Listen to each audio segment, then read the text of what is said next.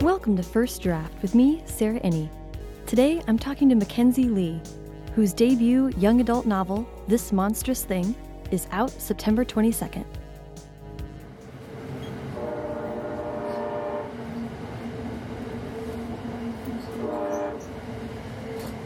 When I first started the podcast, and I mean first started, Mackenzi wrote me an email out of the blue. She said she loved podcasts, and she generously offered to help in any way she could. It was a fitting way to get to know Mackenzi, it turns out, because she is a thoughtful, fascinating, and up for anything woman. When my travels next took me to New York, I knew I had to take the train up to Boston to meet her in person.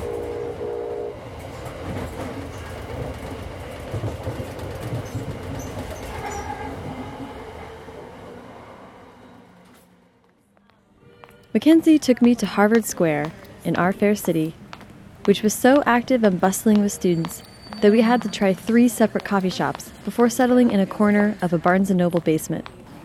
Mackenzi has a knack for spinning nonfiction into riveting stories, so getting to chat her up was a real delight.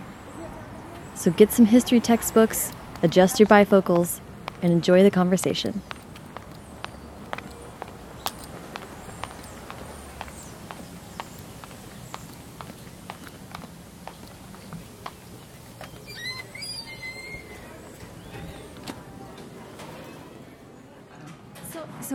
You? Hi, I'm great. You are Mackenzi Lee. I am. I'm so excited to meet you. Yeah, I'm so glad you're here in Boston. Yeah, I got to get to I got to come up to Boston for the day and hang out, and we just walked around Harvard Square and got kicked out The basically. full of tour of Harvard Square unintentionally. So many coffee shops. I love them all. None of them would have us. The entire town of Boston is in Harvard Square right now getting coffee. Studying. So we are in the Coop, Yes. which is where you used to work. I did, yeah. Um, a bookseller here for a while. I would love to start at the beginning, which is where were you born and raised? Sure. Um, I was actually born in Salt Lake City, Utah. Really? And that's where I grew up. I was there until I was 18 years old in the same house. Wow. Um, and it's beautiful. Like I really, really love Salt Lake. It was a place I kind of had to I had to leave and come back to it before I really appreciated how much it how, Mm-hmm. how beautiful it is because I was there for so long and I felt so stifled by it when I was in high school and I was just itching to get out. And then as soon as I got out, um, I didn't I don't want to go back there. Like it was it's a great place to grow up and I liked it, but I don't want to go back. But every time I go back, I'm always like amazed by how beautiful it is and. I went home one time and my parents lived kind of right up on the edge, like in the foothills, right near the mountains. Yeah. And I remember walking, my sister and I were walking to like 7 Eleven or something. And the whole time I was just like, have the mountains always been this big? She was like, you need to calm down. I so excited about the mountains that have been there my whole life. And Yeah. I never just really looked at them. They are unbelievably beautiful. Mm-hmm. And then you come out to the East Coast, I feel like, and people are like, "Oh, the in the mountains over there," and you're like, "Wait, sorry, what's I that?" don't see them. The the slight incline, Yeah. like the hill. I do want to get from Salt Lake City to Boston. So, Sure. um, what were you? You said you had a job in high school. What were you? Yeah, well, so you'll, this is a good story. My job in high school, my first job I ever had, I was a, I was a blacksmith. Um, I, I worked at there's like a Civil War reenactment. So Utah's like settled by Mormon pioneers, and so mm-hmm. there's like a Mormon pioneer reenactment thing. There, it's like a village, and it's all built to be like it was back then. And so when I was a very, I was a very precocious young person um, with a lot of righteous indignation. And when I was like 14, I wanted to do something, and I really liked history, and I wanted to go. I really liked going to this spot. It was this village that we'd gone to a lot for like school field trips. And one time I was there with my grandparents and wanted to decided I wanted to be a blacksmith, just like spur of the moment. Had also just seen Pirates of the Caribbean, so like was really into the Will Turner thing, and just like walked into the blacksmith shop and announced that I would like to work as a blacksmith. And the master craftsman blacksmith was sort of impressed, I guess, by this curly haired child that was in his blacksmith shop and so I started working there and I worked there all through high school. Um, That's I actually like met my first boyfriend there and we had this like weird 19th century romance and like we're like writing each other missives and we went to a ball and so I had this very strange like his half my life in high school was lived in like the 1800s. Whoa. Okay. So that was very is so influential in my formative teenage No years was kidding. to work as a blacksmith. I think we're going to be revisiting that Please many, do, yeah. many I love, times. I love talking about blacksmithing. Um, okay, but yeah, I was gonna say you gotta give me a breakdown. What is a what is a day in the you go you leave school you go. So I did it mostly during the summer, and then I would sometimes do it like on weekends during the school year or during like the Halloween season. And they have like a big Christmas thing, so I would do it during the Christmas season. And I did other things when I was. I learned to like I learned all these weird skills while I worked there. Um, I did some stuff with like the animals and the livestock there. I learned to walk on stilts at one point when I lived there. That's Um, amazing. I worked in various houses, but like the blacksmith shop was like the place that I would always go back to, and the place I really liked to Yeah. to work. So was it mostly? I mean, immediately I just think of, of like actual horse hooves. Like I'm gonna say that wrong. So here's but- your here's your fun fact for the day. Blacksmiths don't make horseshoes. What? That's a farrier. So it's a different like sort of specialization, but blacksmiths make everything else essentially. Okay. Um, so I'm trying to Like- made like like spoons and hinges and hooks and chains and like anything made of iron is what and blacksmiths would have made. That's amazing. So yeah. That's what I did for a while and had a very strong right arm from swinging a hammer and a very weak left arm from just holding things in place. That is unreal. Um, best story ever. So a weird way to grow up. Uh, So you you said you were always interested in history. Mm-hmm. Were you writing as a kid as well? Kind of. I sort of casually wrote. My mom actually, my parents actually just redid their house, and so my mom's been going through all these old boxes. Anyway, so yeah, my mom found this box and she sent me a picture of this journal that I obviously had as a kid that said in my like ten year old handwriting, "This is the secret journal of." I think it was author slash poet Mackenzi. Oh my And God. So I liked to write when I was a kid, and I remember writing a lot of bad poetry, as everyone does. And I Mm-hmm. had an elementary school teacher who was very like encouraging of me and was like, "You should do something with this." And I never really did. Like I was sort of I casually wrote all through high school Mm-hmm. and had other things. I was interested in history. I did a lot of drama in school, which took up a lot of time. I did a pretty like strenuous academic program, which took up a lot of time. And writing was something every once in a while I would do and always get immense joy out of it when I did it. And so I don't know why I didn't like put the two together as like this is maybe something I should look into. Yeah. Um, I think it's um I did the same thing though. Mm-hmm. And I don't know it, it is always curious to me, but I do think that, you know, years spent knowing that you love writing but maybe just reading and getting experiences. Mm-hmm. Like I don't regret it, but it is sort of like I wonder why I didn't I know. why did other people put this together? I know it seems like from where I stand now, it seems like such an obvious. My path here has been sort of winding, Mm-hmm. um, but it seems so obvious that this is where I'm supposed to be. That I wonder how I didn't get here faster. Yeah. Like everything in life that wasn't working out before, I was like, obviously it was because your heart was totally somewhere else, and I don't know why I didn't pick up on that sooner. I'm kind of glad I didn't because I got to do a lot of really interesting things and experience a lot of things. But Yeah. um, but still, It is how did I not know this? It is, and there, but there's something satisfying about saying like everything was leading to, to this. So It's very poetic. yeah, The um, hero's journey and all that. Yeah. When you, were you? Was it still poetry that you were doing in high school mostly? Yeah, I wrote fairly terrible poetry in high school and like occasionally submitted to the literary journal. I remember doing a project in my English class where you could either do an essay or write. We were reading oh, what's the book, The Stranger by Camus, Uh-huh. and you could either write an essay about it or you could do like some sort of creative piece attached to it. And I was the only person who chose to do a creative piece because I was in this very like intense group of academics, and I just remember doing that and sort of having this moment of like. This is so great, and it doesn't even feel like work. And I got a really good grade on it, and um, so I was occasionally doing things like that. That Yeah. I bet that would be like I'm imagining the teacher being like, "Thank you," like one person at least. don't have to read any more of these essays. yeah. Um, that's so cool. So, um, I mean, you were doing all these things. Where did you decide to go to college? So I went to school in a university in right on the like Utah Idaho border called Utah State University, and I went there with much um, kicking and screaming and gnashing of teeth because I about hit about 17 and just wanted out of Utah so badly, and I felt like I said I felt really like kind of trapped and stifled by the place I had grown up and just sort of this you know you when you're in a certain place you're a certain person there. And i was kind of wanted to be somebody else and do other things. And so i applied to a bunch of schools out of state and got into a few of them and could not afford the tuition. And i was i was like no you can take out loans. It's going to be fine. That's what everyone does. And my parents who had so much foresight and i've now like come clean with them and been like you were right about this. Um, we're like no you need to not take out any, any loans for your undergrad. Go somewhere where they'll pay for you to go to school. And so this Utah State University was about two hours away from where I grew up, so it was far enough away from home, and it's in this sort of like remote farming town, and it's all walled in by these beautiful, beautiful mountains. Um, so it's like a really great place to go to school, but I was really unhappy about having to go there and not being in like New York City or DC or somewhere where I wanted to be. Is, okay, that's so you were applying to like. Yeah, I really wanted to move to New York when I was in high school because that was like the thing you do. I was really interested in drama and theater, Mm-hmm. um, and that's what you do is you become an actress and move to New York. Right. I did want to ask more about the theater stuff. I, Yeah. I so many writers. I know it's so weird, right? theater background. I thought that was such a. I was like, oh, I'm going to be the only one, and I talked, and everyone does in some capacity. I swear, every writer is like involved in theater at some point in their life. And like we were talking about that writing brought us so much joy, but that's not what we thought of first. I wonder if it's you know that we were raised with a, a lot of TV and a lot of movies that were, that were hugely influential, and I wonder if like just the thought of acting seemed more tangible than because I never knew a writer. But I feel Yeah, like a- I'm like anyone point. can walk on a stage and say lines. For me, it was always when I look back at like everything I've done in my life, the sort of common thread is storytelling, and that's what I've always really loved is telling stories in some capacity or another. Mm-hmm. And so, for in high school, like theater was my way to do that. Um, I didn't recognize it at the time, but that's what I see now. Is that that's Yeah. what I like. In my heart of hearts, I am a storyteller, and that's even like the blacksmithing was that sort of way too, where you put on a costume and you're pretending to be something else and telling, creating this narrative of the past for the people who are coming through and meeting you and watching you work. That's right. It's like performance. Yeah, it is. It was a performance job. a very high Performance stakes trade. performance. We have this very intense hot fire next to you and molten metal. Yeah.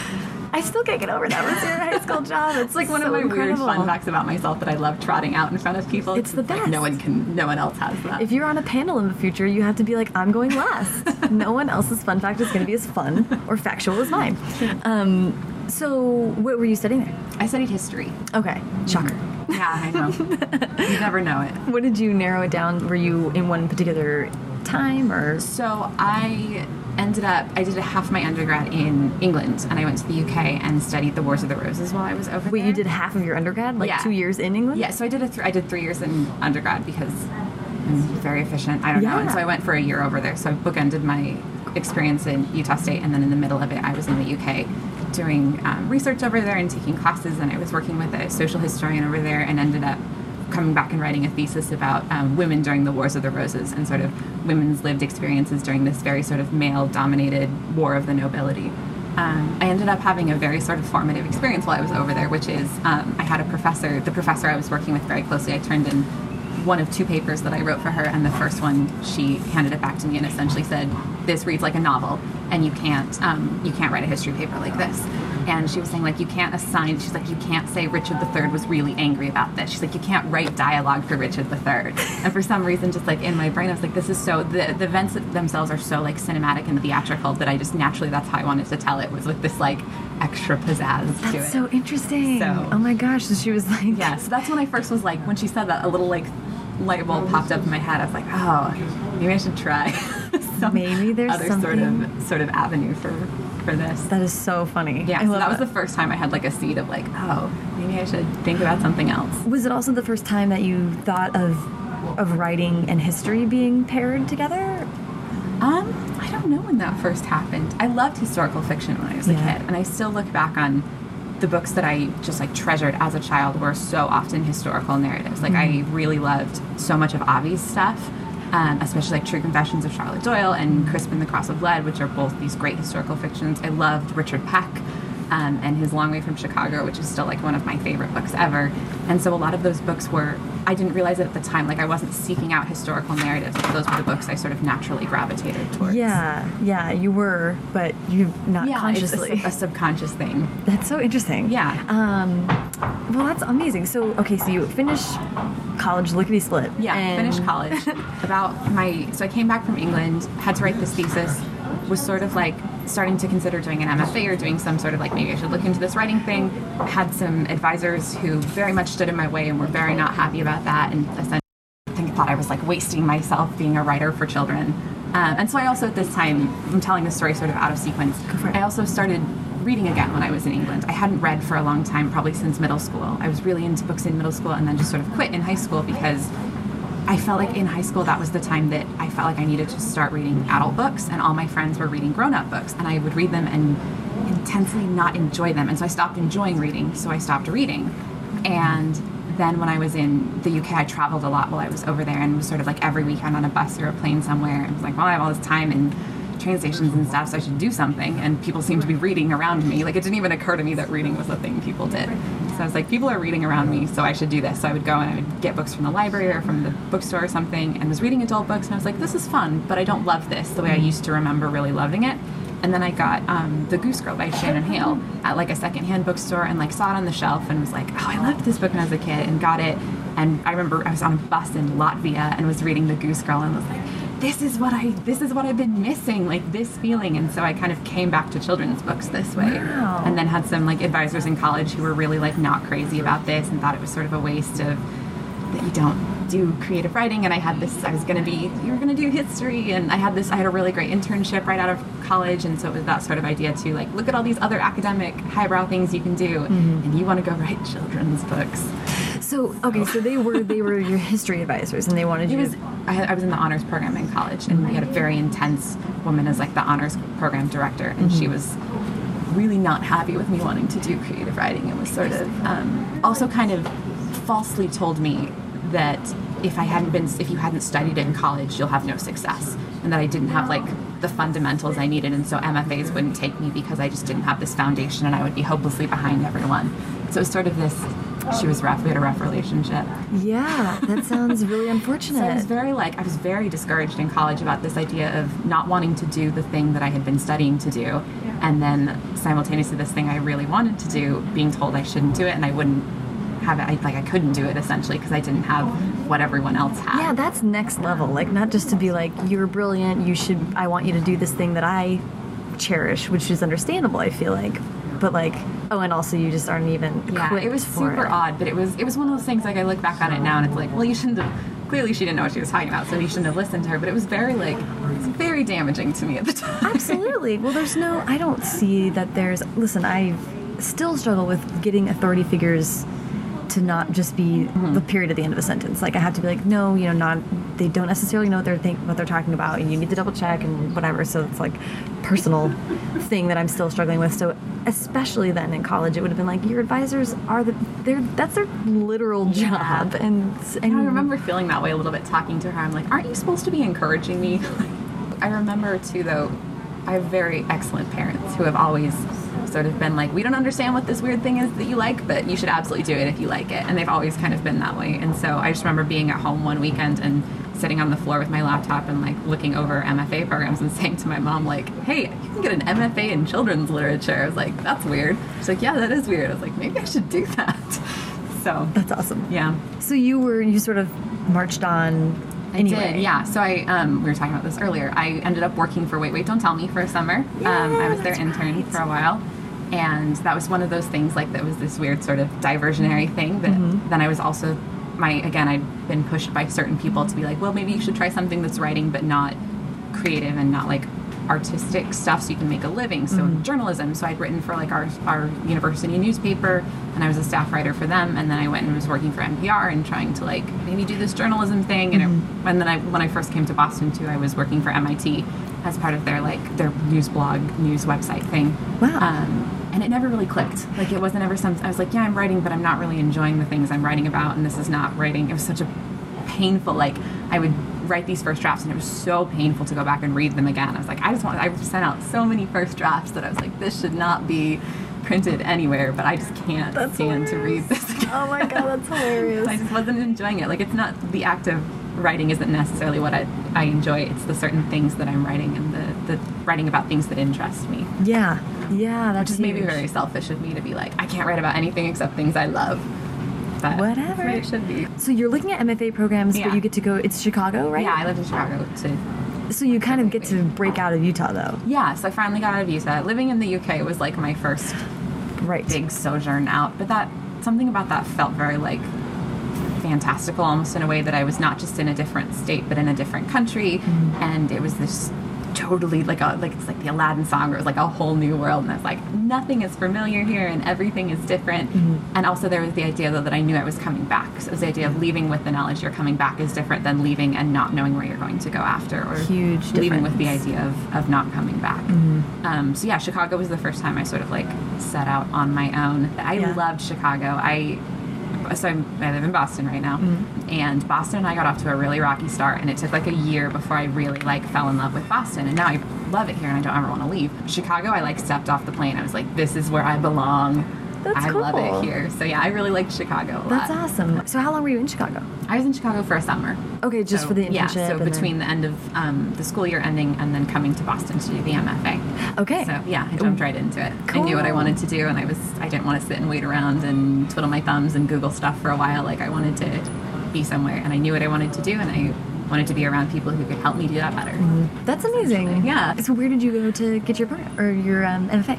So I went to Simmons College, Mm-hmm. which is here in Boston, and the reason I went to Simmons is because they are one of the few programs in the country where you can do an MFA with a emphasis on writing for children and young adults. Mm-hmm. Um, and I picked Simmons specifically. There's like the there's the VCFA program, which is really big, and it's a really awesome program. But what I wanted in Simmons was that it's a it's a residency program. Yeah. The VCFA is low residency, so you're not there all year, and you're sort of on and off campus for six weeks at a time. And Simmons, you're here, and I wanted I knew I wanted to be part of like a community, and I love the YA community online is so great, but there's something very different about being in an online community versus a physical community. And I knew that an online community was something I could get um, on my own. I didn't need to do an MFA to do that, and I didn't need to like pay people to email me essentially, Right. Um, or to like tweet with me, Totally. But to be in a space and to be looking people in the eye when you read their stuff and like interacting with people and talking in a classroom setting is what I really wanted out of an MFA. Did you start writing then in your free time right after that, or when did you actually yeah, start? so there was a in? there was an author who was doing a residency program with the English department at the university I went to in England,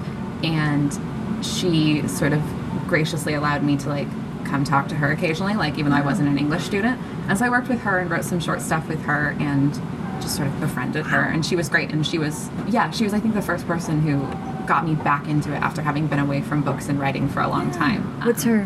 What, do you mind naming? Yeah, her name is Margaret Murphy, Cool. um, and she's actually she's a British crime fiction writer. So she was a little bit like didn't quite know what to do with some of the stuff I was bringing her. I was Right. bringing her a lot of stories about um, about teenagers. I don't think I was doing quite like children's children's stuff, but it was definitely like young adult short stories. And I was mm-hmm. also very clearly like. I clearly didn't like writing short stories. That my narrative, my short stories would read like beginnings as opposed to having these sort of full narrative arcs. And so mm-hmm. she sort of pointed me in the direction though of like, here's what you maybe want to try. So I worked with her, and then when I got back to America, between writing my thesis and between going to classes and things, I had this coffee shop that was on campus, and I would just go camp out there, and I would hole up there for days and would just write. And so I wrote two novels actually that last year when I was in college. Holy crap. I just wanted to make things, and I knew what I wanted to do, and suddenly just like couldn't stop me from doing it. They're it. pouring out of you. I was going to say, you just said in between writing my thesis and classes and Yeah, it was a busy and working. That's wild. So, what were the? Um, I love like the floodgates opened. Yeah, it, re- it really did. Like once I knew what I wanted and once I started, I couldn't stop. And it was Yep. when other people were like doing college shenanigans, Yeah. though, I was like writing novels, and I turned down every social engagement ever to like sit in this coffee shop and write because that was what was.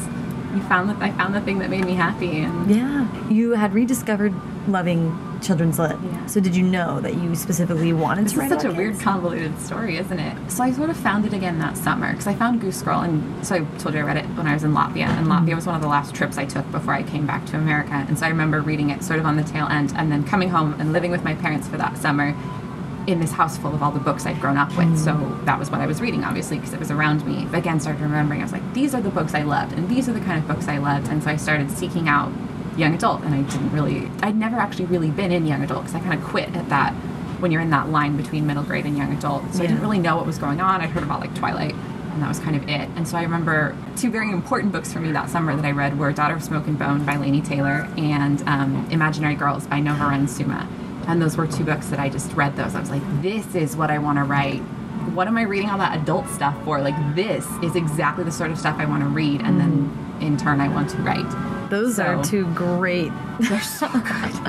Holy They're crap. So pretty. yeah. Oh, I, I was going to say, yeah, just like poetry and magicalness and. they're very like transportive books Yeah. and they're both very and i again this is the thing i realize now they're very atmospheric books and I, I'm a very atmospheric writer, and that's such an important. The music just got really It got- loud. it's very Like, strident. triumphant.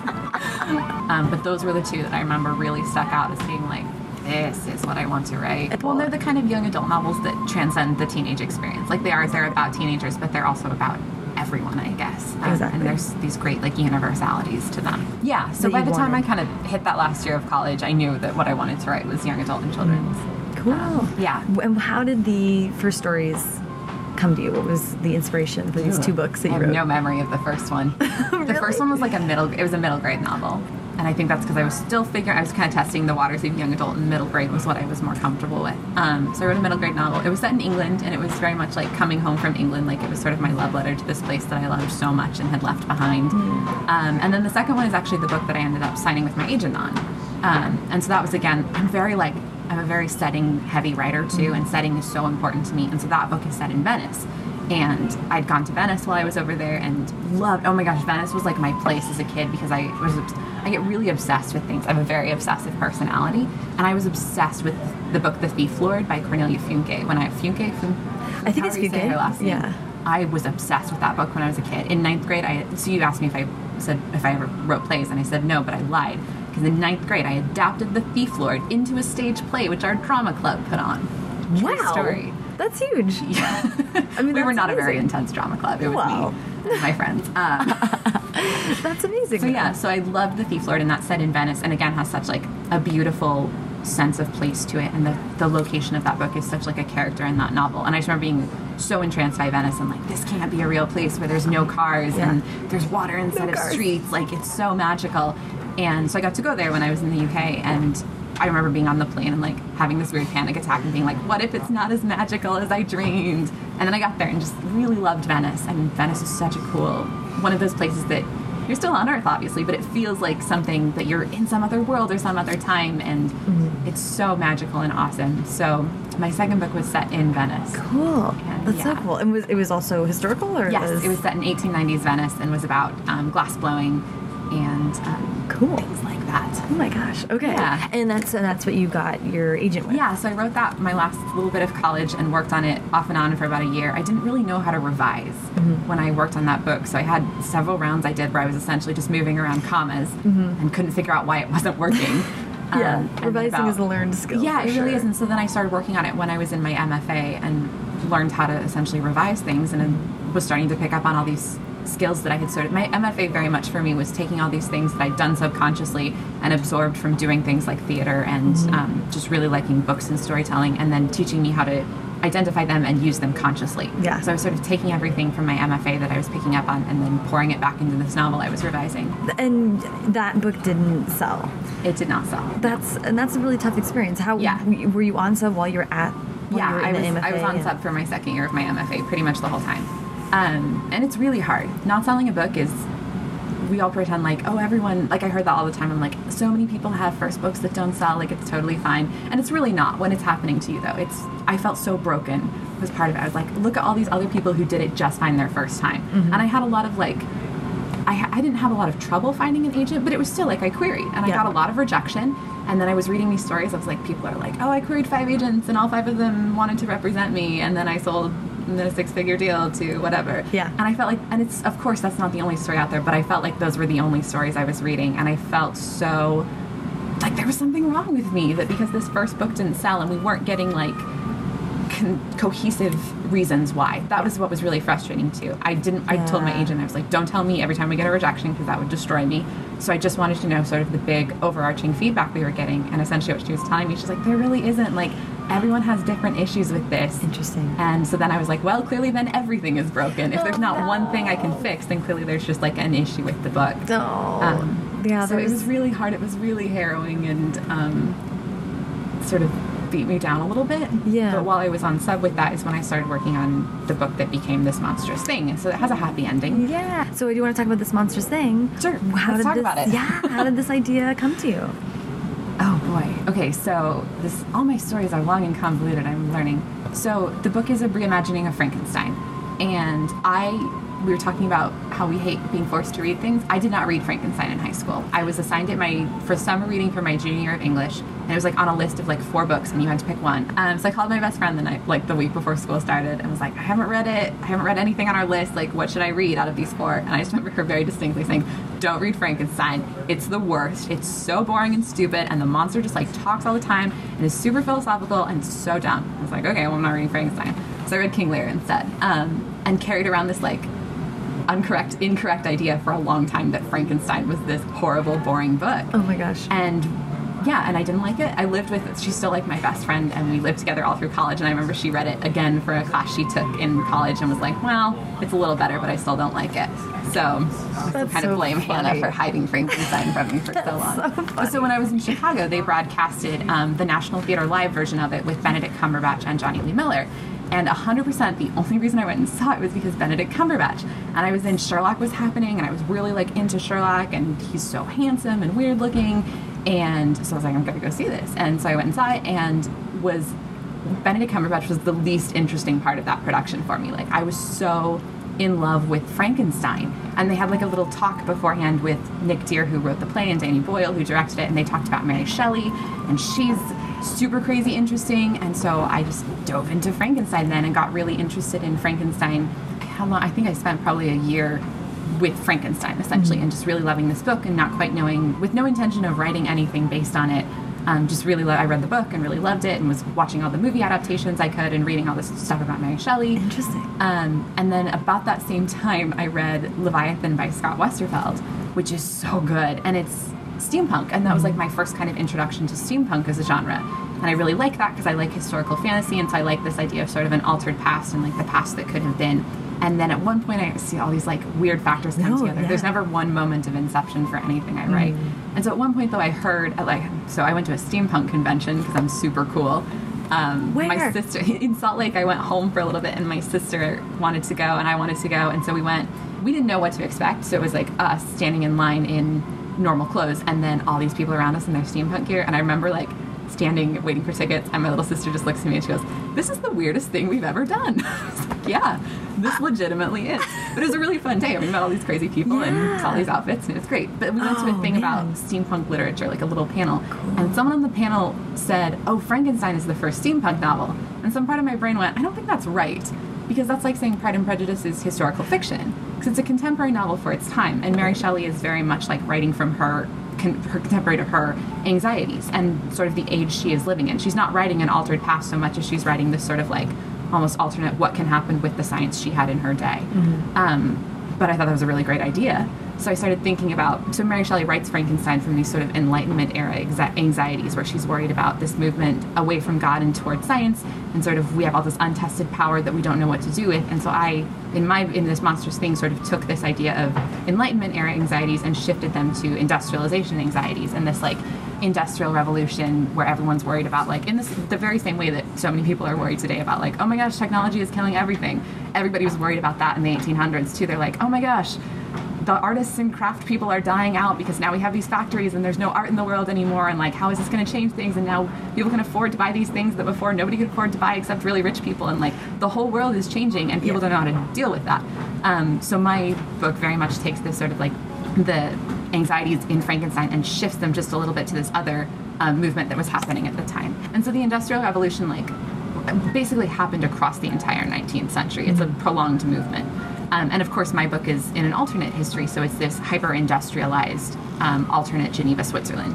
Um, so it's yeah, there's technology in the world that didn't exist in 1818. There's technology that never existed because fantasy. Um, it's, it's that It's steampunk this- idea of the alternate past. Yeah, that's past really that cool. could have been if things had just developed a little faster. Yeah. So, um, since you were talking about setting and, and atmosphere and how that's like huge Yeah. for your books, how did this world, this alternate world, sort of develop? I, I think I was picking up stuff from, that I picked up when I was over in, in Europe for a while. I also, right before I started writing this book, um, I have a really wonderful human being in my life who took me on a trip to, she's from Germany, and she took me to Germany, and we essentially worked our way up the Rhine River and through Germany and France and went to all the Christmas markets at Christmas time. And so a large part of the book is centered around the Christmas markets in Europe, um, which is a weird thing for a steampunk novel, but That's it awesome. works. Um, so like being in that atmosphere too, and or trying to sort of shape the world in the early days, I kept coming back to these places I had been, um, Mm-hmm. combined with the world that Mary Shelley already sets up in Frankenstein, because Mm-hmm. is very like my book is very. Sometimes I feel like the whole writing process was just like how many references can I make to Frankenstein, and so it does rely heavily on like the world she sets up, and then also this world I experienced when I was over there, and then also sort of the things you read about in history and these sort of yeah, like I said, the Industrial Revolution and this Yeah. sort of industrialized past. Yeah. My particular brand of history, like if you hang out with me enough, you realize that I will spout these like stories at you, and they're generally like I'm not really into the like treaties and years and wars and big things like that. But what I'm really interested in is these sort of individual experiences through history, and so I generally like spout people's life stories at people. And I'm not very precise in it though. I'm not a precise historian where my stories are always like, and then this thing happened, and then I think afterwards, or maybe before, sometime in the 1700s, this thing happened. Um, and so I'm not like a super I'm not a surgical historian in that sense. And so writing historical fantasy sometimes is a way to service what I'm best at or what I'm interested in, but without necessarily being slave to sort of period details, is that you can sort of let your mind go. Yeah. Um, and not be so. Well, you're serving the story, Yeah, exactly. as opposed to as a historian, you're serving. Yeah, as, as opposed to, yeah, sort, sort of creating a story within fact. You're creating a story outside of fact and then um, adjusting the facts accordingly. Yeah, yeah. I'm interested in this is not so much a question as much as I want to hear what you have to say about it is incorporating the Christmas the idea of Europe at Christmas. Like there's all these idealized sort of elements that you're talking about putting together like um, the the that very romantic like lovely version of Europe that you got to see on the Christmas trip and and steampunk and how it feels I mean it sounds like you have sort of a, a an affection for that as like a style and I don't know. I'm interested in that it's putting a lot of glamorized ideas together too to create a world where then like things get destroyed Yeah. and Also, the world, are the world fundamentally itself that the book takes place in is very sort of divided, in that there is this sort of glamorous facade to the front of it, and there is like there's the Christmas markets, and it's lovely, and we're in Geneva, which is this sort of pinnacle of society at the time, and in 1815, 16, whenever the book takes place, um, Geneva had just like they'd just gotten the French out essentially from the Napoleonic Wars, and so they were this sort of newly independent part of Switzerland, and Geneva was doing really great at the time, and they were super proud of themselves. And so then my world takes this sort of like beautiful facade that happens, and then there's sort of this darker undercurrent to it, which is first of all these sort of like very real, visceral, grimy, industrialized portions of the world, and then take and takes it further even to the point that the whole book revolves around the idea of these sort of like people who are also made of metal pieces and steampunk clockwork pieces and things. So it's sort of this the dichotomy, dichotomy exists within the world of this glamorous facade with this sort of dark undercurrent underneath it. So there's a scene like in the book without being too spoilery. So there's like a scene quite early on that takes place at a Christmas market, and it's like beautiful, and there's carols and snow, and everything's beautiful. And then in the middle of it, there's like this riot and an arrest, and um, ends up with like running and chasing, and so it is. There's this sort of they, they exist simultaneously. yeah to one to sort of subvert the other Yeah. to yeah okay so so let's talk about Mary Shelley Yes, the- please, let's talk about Let's Mary talk about Shelley. Mary Shelley. So this might be two separate things because I want to talk about the inner, the challenge of having a real work of fiction that you're sort of Mm-hmm. playing off of, and also like honoring what Mary Shelley was sort of tr- um, going for. I guess. So anyway, first question is, you you know you're basing it on Frankenstein. Yeah. How do you start writing uh, fiction? Where do you um, want to honor it, and where do you want to make it your own? It's sort of been retold many times, so putting your own stamp on it. How did how did you approach that? It's so hard. So I, when I first started writing this and first sort of conceived that I was going to write this book, I remember googling like how to write a retelling. So I was like, there has to be rules for this. There has to be things I'm. And I look at my. I was looking back at very early notes I took when I was thinking about the book, and at one point I like wrote, I was like, am I allowed to do this? Like, am I allowed to to twist source material this much? Mm-hmm. Um, and so once I, it took a while for me to like get over those fears of like, I don't like, think I'm allowed to what's do the this. IP on this? Yeah. Well, not even just that, but I'm like, there. like ethically or like It's not even ethically. It's like creatively. Like this is someone else's book, and so are people going to want to read this? That I've taken this and essentially like for, it felt for a long time like I was writing Frankenstein fan fiction, um, and I was like, does this is anyone actually going to want to read this? Is this actually like? Because I think when you write a retelling, you have to take the story that exists and do something further with it. Right. And if you're not furthering the conversation or the dialogue or something surrounding this piece of literature, then your retelling is sort of wasted. Mm-hmm. And so I was very like concerned for a long time and very hung up on this idea that I had done like I had taken it too far, I was too weird, or it, mm-hmm. um, I had taken too many liberties with it and sort of mm-hmm. lost the Frankenstein nature of it. And so how I really approached it was thematically, I guess. I think you see this especially in fairy tale retellings. You see like a lot of like very obvious shout outs like oh she lost the slipper on the stairs so that's cinderella or oh there's an apple so that's snow white Right. but retellings are so much more than that and retellings involve i think that for me anyway um, when there's sort of a thematic center. So my book very much takes the same idea that Mary Shelley explores, which is sort of the the nature of monstrousness. And are, are any of us like predisposed to be one thing or another, or are there things about us that make us monstrous that we have no control over? Right. Um, and so that was sort of the common ground that Frankenstein and I, Frankenstein and I, Yeah. Frankenstein and my book really, really share. No, I love that. Yeah, so once I like found that, and once sort of everything I was plotting and creating came from that place, um, and expanded from there, that's when I really like hit my stride with writing or retelling and sort of let go of my fears of doing things I wasn't allowed to do. Right. Which yeah, I love that you yeah like writing fan fiction for. I even had I'm writing a heist book, and I there's a nonfiction book about a famous heist that happened in like not even that long ago. And I was sort of like taking the beats of the heist from that book because I can't, I'm not a criminal mastermind. And I was like, wait, is this okay? Yeah. But like, it's fact. Like, I think we all get so concerned when we're writing, though, that there's this set of rules that everybody knows except us. Yes. And we get worried that we're doing something wrong when really, like, the best books and the books that really, like, leave an impact on me anyway are the books that do something new and different. So obviously, you want to break rules, and it can be very scary to be the first person who does that. Yeah. Um, but that's how we get places by doing new things. Yeah, I love that. Um, Not that I think my book is particularly groundbreaking, but. I'm excited for it. Um, so, um, so how did how did um, you sort of got obsessed with Mary Shelley before Yeah. even really diving into Yeah. writing this book? So, Uh-huh. what was it about her that was so appealing to you? So Mary Shelley is crazy. You don't know this, um, let me give you my really quick spiel about her. Do it. So Mary was like the antithesis of what you would think of as this like proper Regency British woman. So she was born. Her mother was Mary Wollstonecraft, who wrote *The Vindication of the Rights of Women*, which was this incredibly radical feminist text of the time, and still is like one of the foremost feminist texts of ever. Um, so she was Mary Wollstonecraft, who died about 11 days after Mary was born. So she never really knew her, but she sort of lived in her mother's shadow.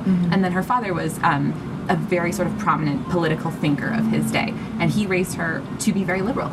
And he raised her with all his famous friends over, and his friends were like Aaron Burr and Samuel Taylor Coleridge, and so she was hanging out with all these sort of very impressive minds. Um, and so she was brought up to be this very bright, very opinionated young woman um, in a time when women were very sort of silenced. So then things get crazy. When she's like 16 or 17, she met Percy Shelley, who she eventually ends up marrying. But at the time they met, first of all, she's 16. He is married to someone else with like three children. Um, and I think his wife was pregnant at the no, maybe she was pregnant later. Anyways, he was like leaving his family, Oh, boy. really into Mary. He'd been like thrown out of Oxford for writing atheist material. He was crazy. Like he was one of the like bad boys of the day. Um, and so her, she didn't want her dad to know they were together, so they had like secret rendezvous at her mother's grave. Like, Oh, it's, you it's so serious? gothic, and Oh my so like, it, it reads like a novel. That's why I got really interested in Mary. Because I was like, this is more interesting than anything I could make up. Yeah. So her and Percy are having this secret love affair, and her father finds out and is super unhappy about it. Mostly because Percy said he would help her dad pay off his debts, and then was like, actually, I didn't get any money because my family doesn't really like me, so I can't help you pay off your debts. Oh, no. And then Mary's dad was like, well, then you're not dating my daughter. So they also Mary gets pregnant sometime along the way, so they run off to Europe with her half sister Claire, who also maybe was sleeping with Percy, and at one point also got pregnant, and maybe it was Percy's. Um, who really knows? So they run off. It's like the British British Regency edition of 16 and Pregnant. Yeah. Um, and so they like run off to Europe, and they're like traveling around, and they essentially travel until they run out of money. Like, well, now what do we do? So Percy has this friend named Lord Byron, and Lord Byron is crazy too, and he's living in Geneva at the time. He's like, come hang out with me, guys. And so like, okay. So they like go down to Geneva to live with Lord Byron in this manor estate by the, the shores of the lake, and just have this wild summer. So first of all, This is so awesome. this volcano had erupted on the other side of the world and had it was the largest volcano volcanic eruption in history and it had ruined weather patterns all over the world. So it rained all summer. So they're in geneva in this torrential rain all summer um, and they can't go like they can't go outside essentially. And so like what do we do now? So they're like staying inside all the time smoking opium and drinking a lot and having sex with anything that moves and uh, at one point lord byron is like oh there's my favorite story. Is like one time they were doing some like strange concoction of I don't know some sort of substances, and Percy had this hallucination that Mary had like eyes instead of nipples and like ran from the house screaming. Like it was weird shit. Whoa. So, Oh my god. so they're like having this weird summer where they're perpetually high, pretty much. And Lord Byron one night is like they've been reading all these like German ghost stories, and also then simultaneously they're all reading these books about like galvanism and um, electricity and things like that. I can't think of the word right now. Um, but there were some like experiments that were happening at the time that were like reanimating dead tissue with um, electricity, Oh, essentially. I yeah. can't think the word. Um, and they've been reading that kind of simultaneous with these like ghost, these German ghost stories. And Lord Byron's like, guys, I have a great idea. Let's have a ghost story contest and see who can write the best ghost story. And I'm like, okay. So everyone writes their thing, and everyone's like, well, okay, that was fun. And Mary can't come up with a ghost story, and she can't come up with a story. And then one night she has this dream, and she essentially dreams the resurrection scene from Frankenstein, which is this idea of like a young, pale. You can read. She writes about it in the introduction to Frankenstein. It's really interesting to read. But it's like this pale student of unhallowed arts leaning over this like corpse, and then the corpse comes to life, and she woke up in a cold sweat at 2 a.m. and is like this. So she writes it. I was like, this is great. Um, and so she shows it to Percy and shows it to Byron, and they're like, this is great. You should probably publish this. So she expands it into a novel and publishes it. Um, and at the time, like it was very not not well received at all. Like the critics didn't really like it. No one quite knew what to make of it. Um, some people thought Percy Shelley had written it and just like put Mary's name on it, and that's still one of those weird like, did Shakespeare actually write his plays controversies? right. Um, I ignore that completely. um, but yeah, so she was this, and she's 19 at the time, and then she's 21 when she publishes Frankenstein, which just Wow. who does that? How are you like capable of that? Yeah, these Um, like mythical lives. Ah, you're like making me want to go just watch the History Channel. this is like like I, It's so interesting. It's, It's fascinating. real life is so much more interesting than things we can come up with. Which is like part of the reason I really love writing historical fiction. Yeah. Is the idea that there are so many interesting, interesting stories in history that we just don't know about.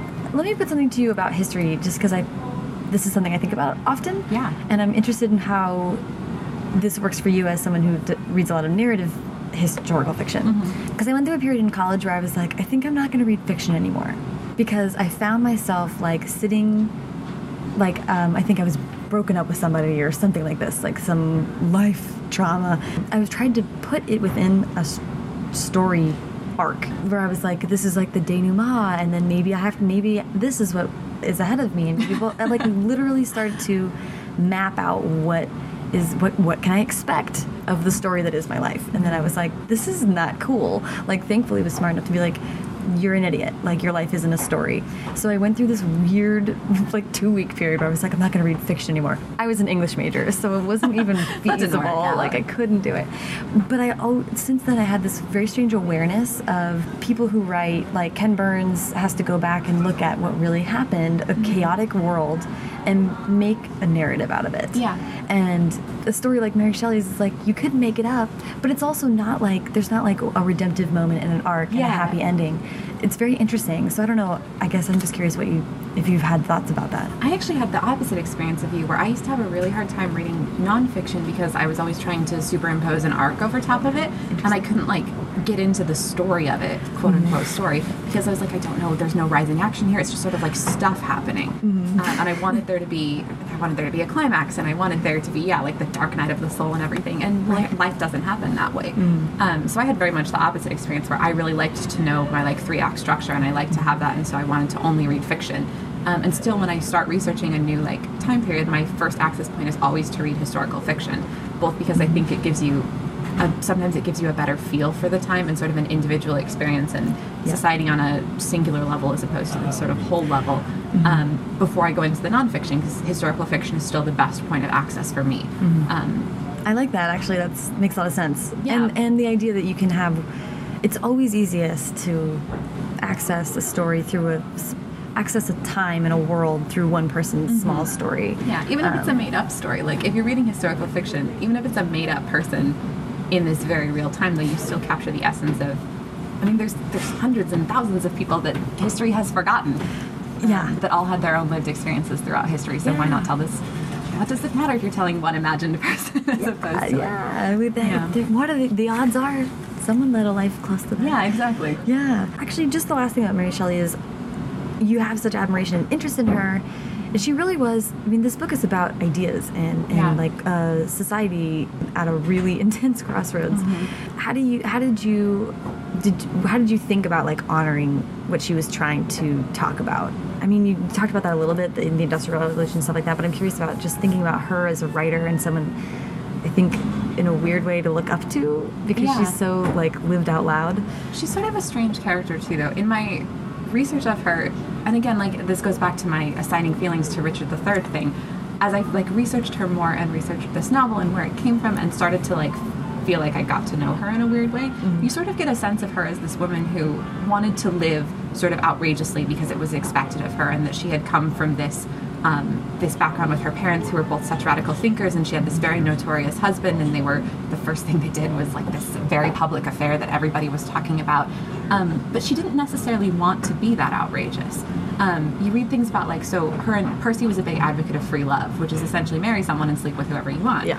Um, and he was really like into Mary doing this too. He's like, we're gonna like, you know, we're gonna sleep with whoever we want, and it's fine.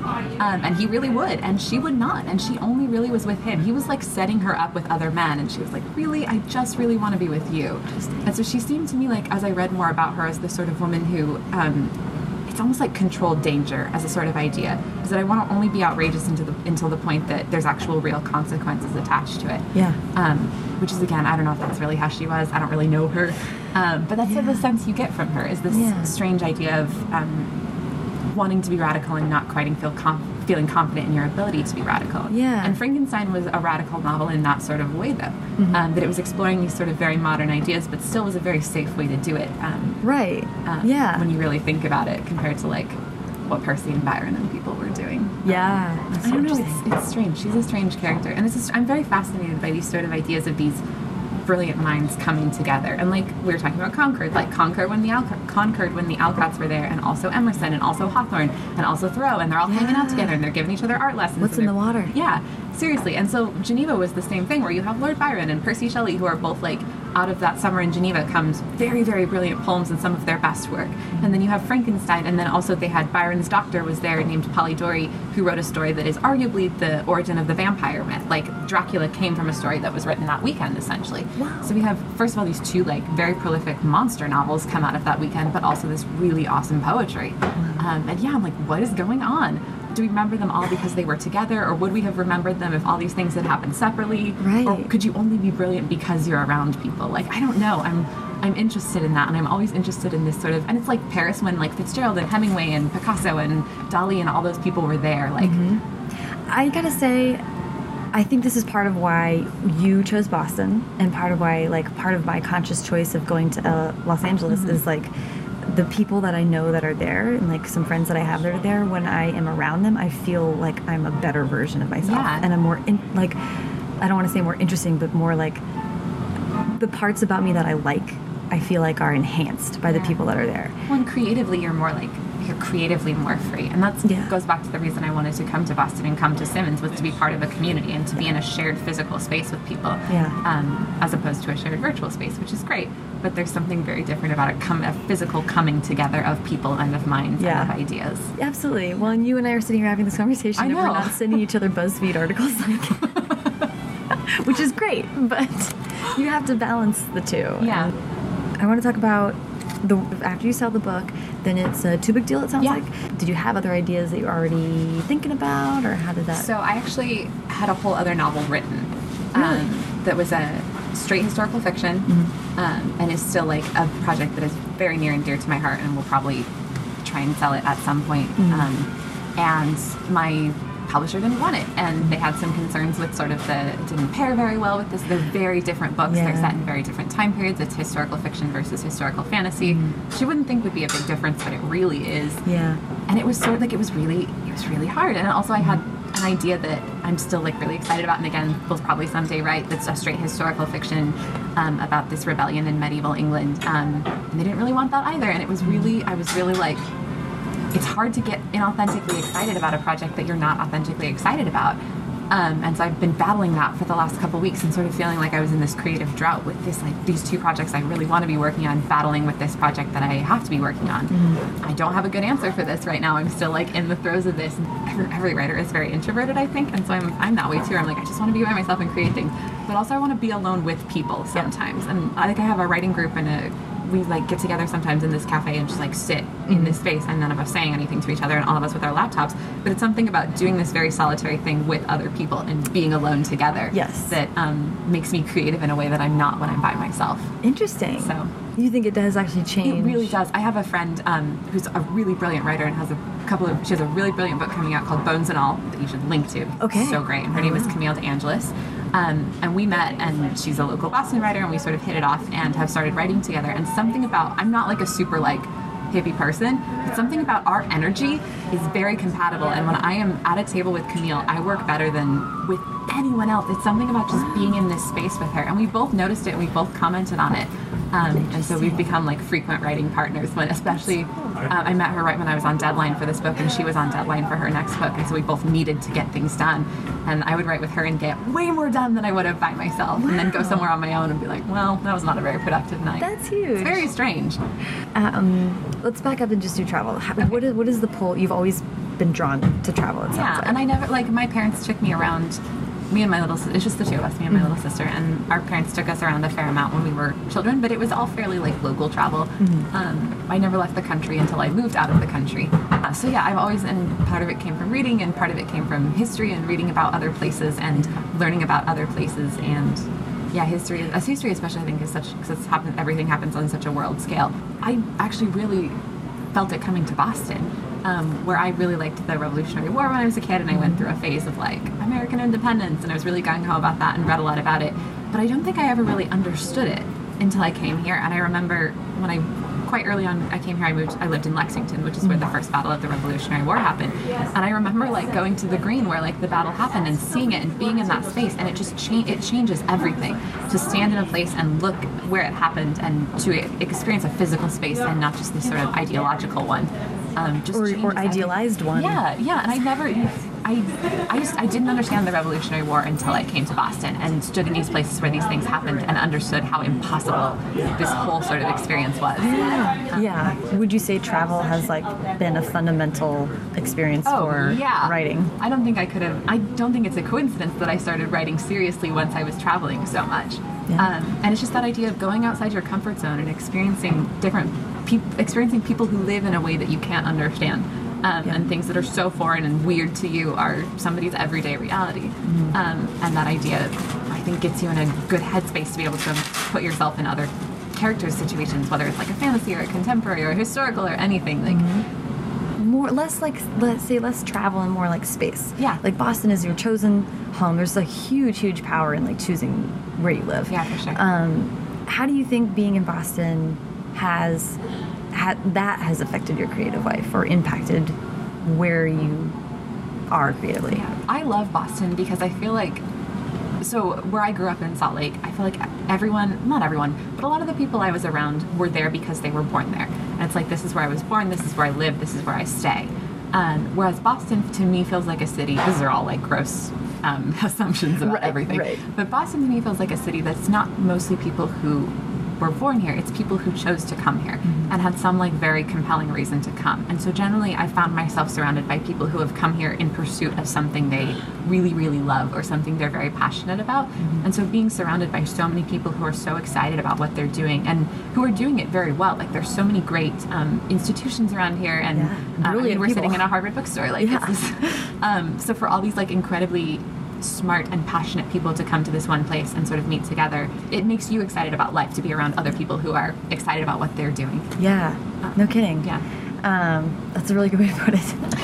I thought about that a lot. My my dad actually had a coworker whose son came out here to go to MIT. I don't know. I think they were from. I don't know where they were originally from. But he came out here to go to MIT, kind of at the same time I went to Simmons, and both of us graduated and decided we wanted to stay here. And our fathers were both sort of flummoxed by like, why? And so they both separately emailed us and were like, so why did you choose to stay in Boston? And we both gave sort of the same answer, which is this idea of this like um, intellectual community or this idea of a community of people who are actively in pursuit of things they love or things that are bettering the world around them. Yeah. Okay. Last last question is uh, is about writing advice. But what advice do you have for young writers? So I knew this was coming because I've listened to your podcast and I like thought about it and I still, I don't know. Writing advice is such a hard thing to give out, especially because the writing process is so individual. Right. Um, so maybe that's one of the pieces of advice I would give out is don't listen to advice. Like in that sense of really when you're figuring out your own stride as a writer and who you are and what you want to write and how you want to write it, it's essentially gathering pieces from everyone else and putting them together into your own weird Frankenstein monster corpse thing Yep. of your own writing process. So And no- animating it. Yeah, exactly. um, so there's no like, there's no right or wrong way to write. And I was very hung up for a long time in the very early days of my writing that I was doing something wrong. No, I think that's, I think that's a really important thing to say. Is that because that's I think that we all think there's going to be some point you hit where you are a writer or where you are like legit and you feel secure in your status as a writer. Um, and you never do. It's this, it's like I remember when I was before when I was just starting out, I was like, okay, when I sign with an agent, I'm gonna feel great, and I'm never gonna have doubt again, and I'm never gonna have anxiety, and I'm gonna like trust myself and trust my voice because I've been validated. And then you get an agent, and that high lasts for like two weeks, and then you're like, well, all the anxiety and self doubt creeps back in, and then you're like, okay, I'm just gonna get a book deal, and once I get my book deal, I'm gonna feel like a real writer, and I'm gonna feel validated, and Right. I'm gonna trust myself, and then you get your book deal. That lasts for two days, and then it's like, well, I just need to like be a bestseller, or I just need to get my book made into a movie or like whatever Yeah. your next like step is there's always you get what you wanted and then you always realize you wanted more Mm-hmm. um, and i remember like having this weird i still feel like things like talking to you even i'm like i don't feel any different than i was four months ago essentially Right. um, i woke like the day after you get your book deal you wake up and it's like everything has changed but nothing has Yes. um, and suddenly you're speaking from this new place in this new position of authority that you don't feel at all equipped to be standing in Right. So I you feel never like like, you never feel like you've made it or like you're legit. And I keep waiting for like so I just read Amanda Palmer's book called The Art of Asking, which is brilliant. And she talks about um, the the idea of the fraud police, which is we all think that someday we're going to be in the middle of doing our thing, whether it's playing up on stage or like writing or doing a book signing, and suddenly these uniformed officers are going to burst in and be like, "Excuse me, you're a fraud, and you don't actually know what you're talking about." They're going to drag you away and stop you from doing this thing, um, because none of us ever feel like we actually know what we're doing, and we're all kind of writing the rule book as we go along. yeah. Oh, that's so interesting that she spoke to that. I love Yeah, that. I, I know. I loved that. The fr- as soon as she said the fraud police, I'm like, well, that's a name for exactly what I've been feeling for Yes, years. like I know those guys. yeah, and you They're feel that you feel that in life and in adulthood in general, and especially like in Oh that my gosh, yeah. I, I'm still at a point in my life where I feel like I'm still trying to figure out how to be an adult. And I don't, the more I talk to people, the more I don't think that ever goes away. Like, we all feel like we're faking it Yeah. at all times. Yeah. Um, and everyone around us. And I think in writing too, the virtual community is so great, but I feel like sometimes we all put our like shiniest selves online. And so you figure that everyone else has it really figured out. And everyone else is doing some sort of magic voodoo that they feel calm and not anxious and they totally get it right the first time. And if not, their revision is super smooth. And you are just, I don't know, like, I was like, what is what is everyone else doing that I don't know how to do? Right. Um, when really everyone's just muddling through as much as you are. Everyone's freaking out. So let's turn this into advice. Advice is trust your like trust yourself and trust where you are in the process. Um, that's another thing. I'm just going to throw my advice Do all it. over the place. Do it. Um, enjoy where you are. And that's something I have a really hard time with. I'm a very anxious person naturally, and if there, if you can worry about it, I will worry about it. And even if you shouldn't be worrying about it, I will be worried about it. And I feel like I've missed things because even just like the enjoyment of this essential like high of getting a book deal, and oh my gosh, my book's coming out next year, and all I can do is worry about it. Um, and I hate that, and I hate that this sort of like anxiety takes away from where I am. So I would say enjoy like if you're pre-agented or pre-published, enjoy this because this is like sort of the last time that you'll be able to write 100% for yourself whatever you want without worrying about is it marketable, is it sellable, um, is it something people are wanting to read, is it in trend? Like enjoy that, enjoy being just agented without having to worry about book sales and without like wherever you are in the journey or in the process, you should do your best to enjoy it and enjoy like the very unique things that come from from being where you are. Because Yes. if you're pursuing writing and creation with like passion and dedication um, you're gonna get there eventually it's just a matter of time and it's a matter of not giving up so try and enjoy being in these places that you can never go back to Yeah. Nailed it. well, oh, thank you so much. This was so fun. yeah it was so nice to talk to you thanks for coming all the way to boston Oh my gosh. Beautiful, beautiful Boston. I'm excited to be here when it's really cold Yeah. and real Boston Yeah. day. come back when it's terrible yes, now let's go throw some tea in the harbor.